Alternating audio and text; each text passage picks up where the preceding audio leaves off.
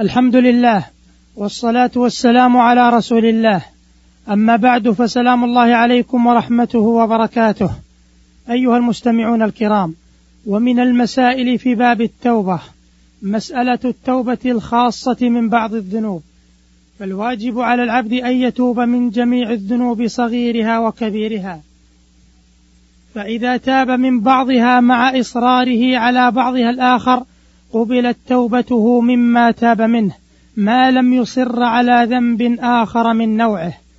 أما إذا تاب من ذنب مع مباشرة ذنب آخر لا تعلق له به ولا هو من نوعه صحت توبته مما تاب منه.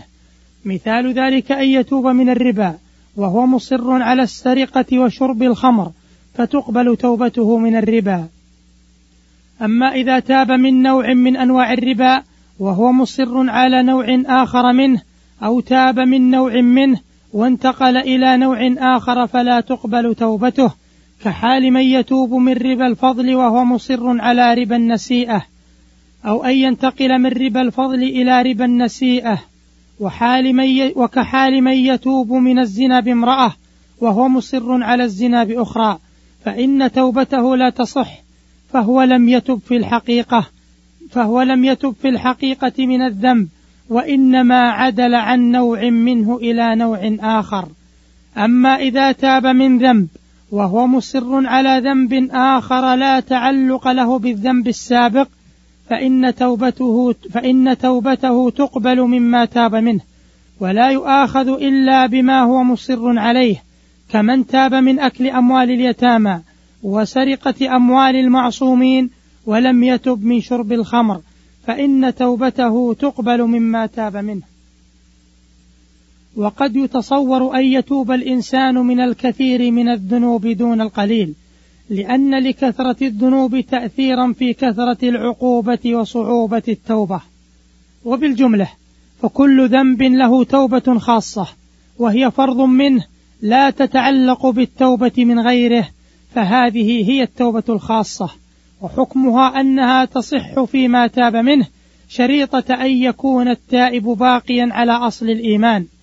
والسر المسألة أن التوبة تتبعض كالمعصية فيكون تائبا من وجه دون وجه كالإسلام والإيمان.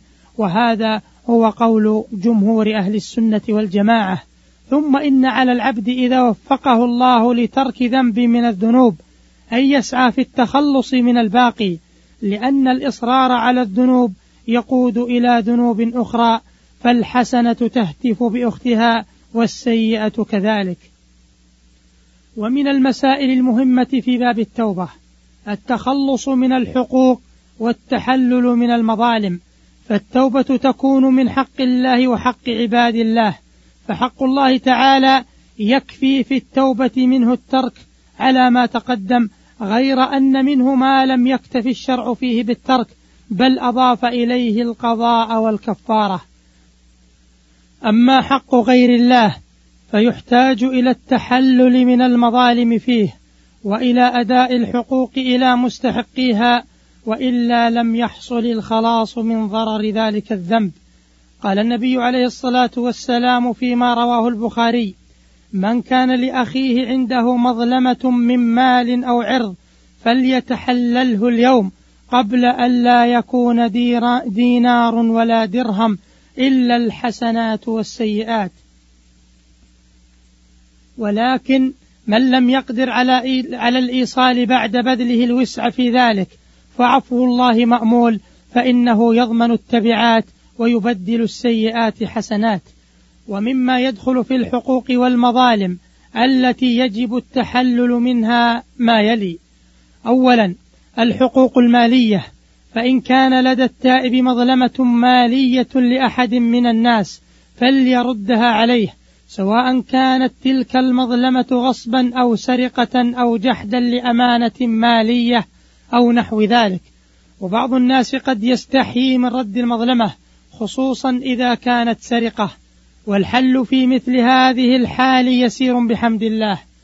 فإما أن يذهب لصاحب الحق بنفسه ويخبره بما كان من أمره ويرد عليه ما أخذ منه وإما أن يهاتفه عبر الهاتف ويتفق معه على حل معين وإما أن يرسل له المبلغ المالي عبر البريد وإما أن يوسط أحدا من الناس في إرسال المال والتحلل من صاحبه.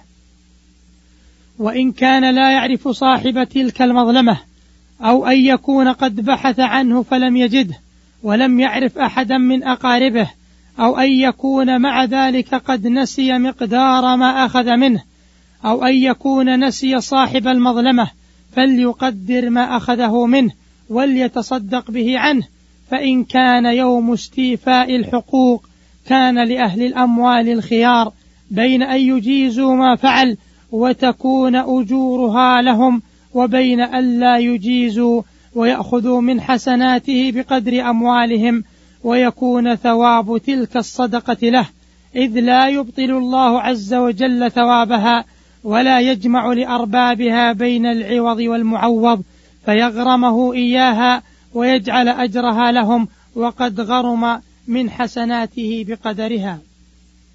بل إن صاحب المال قد يسره وصول ثواب ماله إليه أعظم من سروره بوصوله إليه في الدنيا.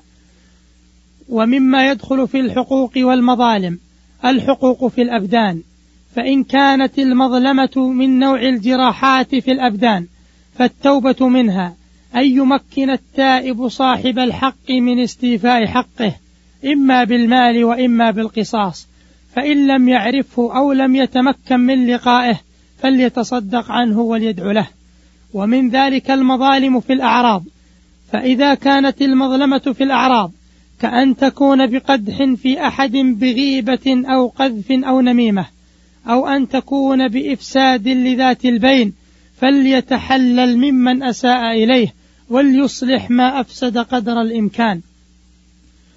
فإن كان إذا أخبر من أساء في حقهم لا يغضبون منه. ولا يزيدون حنقا عليه ولا يورثهم ذلك غما صارحهم وطلب منهم المسامحة بعبارات عامة مجملة كأن يقول إني أخطأت في حقك في الماضي أو أسأت في فهمك فظلمتك بكلام تبين لي فيما بعد خطأه وإنني تبت الآن فسامحني فلا بأس في ذلك.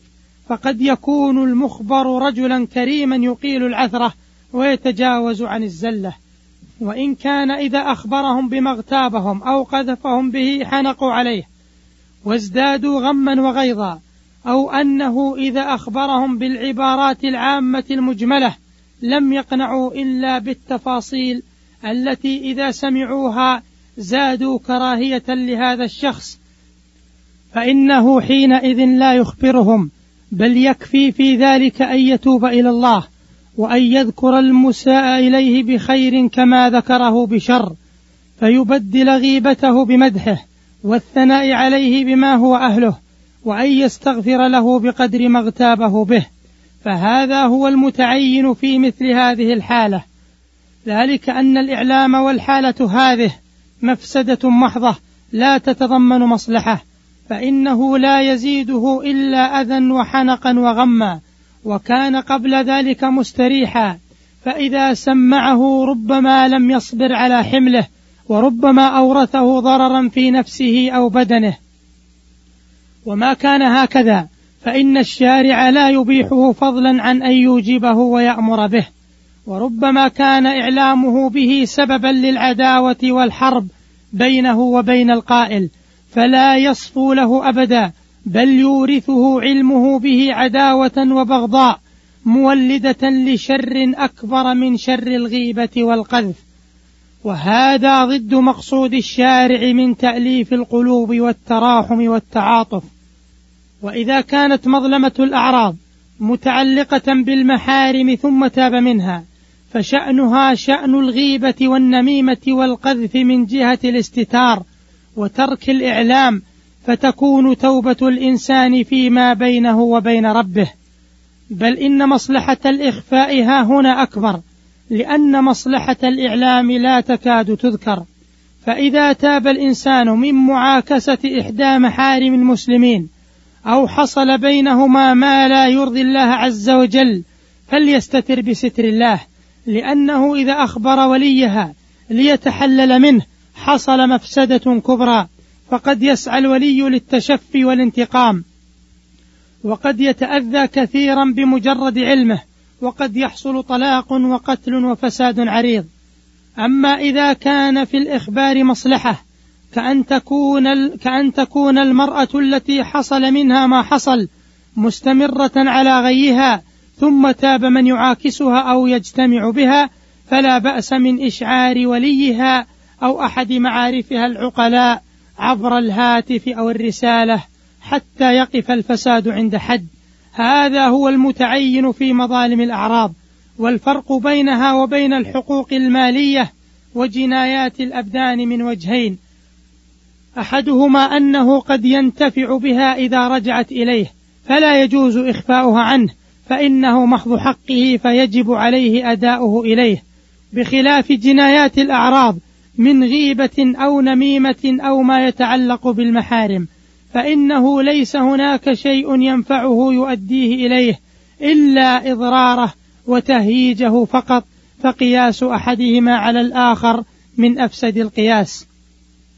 والثاني أنه إذا أعلمه بجنايات الأموال أو الأبدان لم تؤذه ولم تهج منه غضبا ولا عداوة بل ربما سره ذلك وفرح به. بخلاف إعلامه بما مزق به عرضه طول عمره ليلا ونهارا من أنواع القذف والغيبة والهجو فاعتبار أحدهما على الآخر اعتبار فاسد. وإلى لقاء آخر والسلام عليكم ورحمة الله وبركاته.